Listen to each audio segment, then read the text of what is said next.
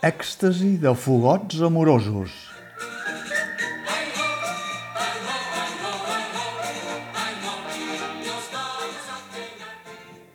Còctel de Shakespeare.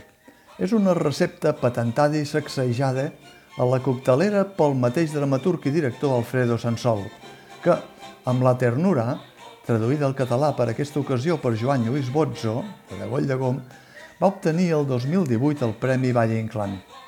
Tot i que es tracta d'un text original, les influències i referències extretes de les obres shakespearianes són evidents, no amagades i buscades expressament.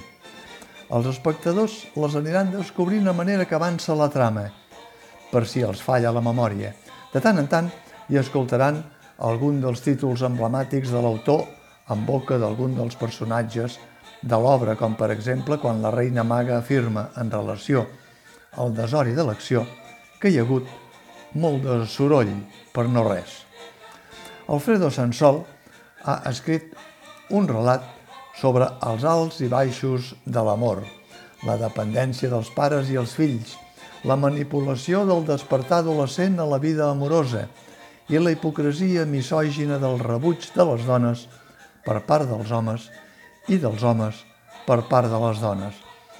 I tot en clau de comèdia, a vegades amb aires de barraca, a vegades de barraca estripada, a vegades de barraca esbojarrada, sovint burxant en els recursos de l'humor i tendint a parodiar l'embolic modern de portes i finestres, recanviades aquí per entrades i sortides simbòliques en espais aparentment boscosos o en espais indefinits.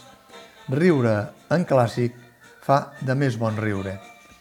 Els espectadors shakespearians no podran evitar de veure-hi picades d'ullet a obres com La Tempesta, Nit de Reis, El vostre gust, Molt soroll per no res o Somni d'una nit d'estiu, entre algunes altres.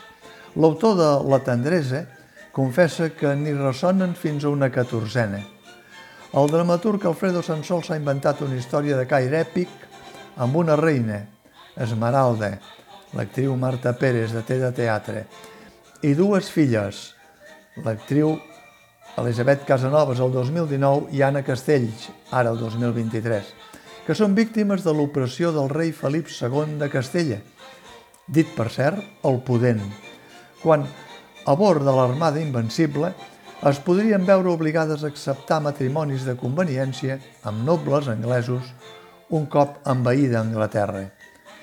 La reina no vol que les seves filles passin pel que ella ha passat, sota el jou dels homes sense llibertat, i amb els poders màgics de què disposa, la història té aires de conte fantàstic, desencadena una tempesta sobre l'armada invencible per poder naufragar i, sense ni mullar-se els peus, arribar a una illa aparentment deserta on els espectadors ja saben que des de fa anys hi habiten solitaris un pare llenyataire, l'actor Jordi Rico, i els seus dos fills, els actors Javier Beltran el 2019 i Albert Prat 2023 i Ferran Vilajosana, per fugir de caure en mans de cap dona durant la resta de la seva vida.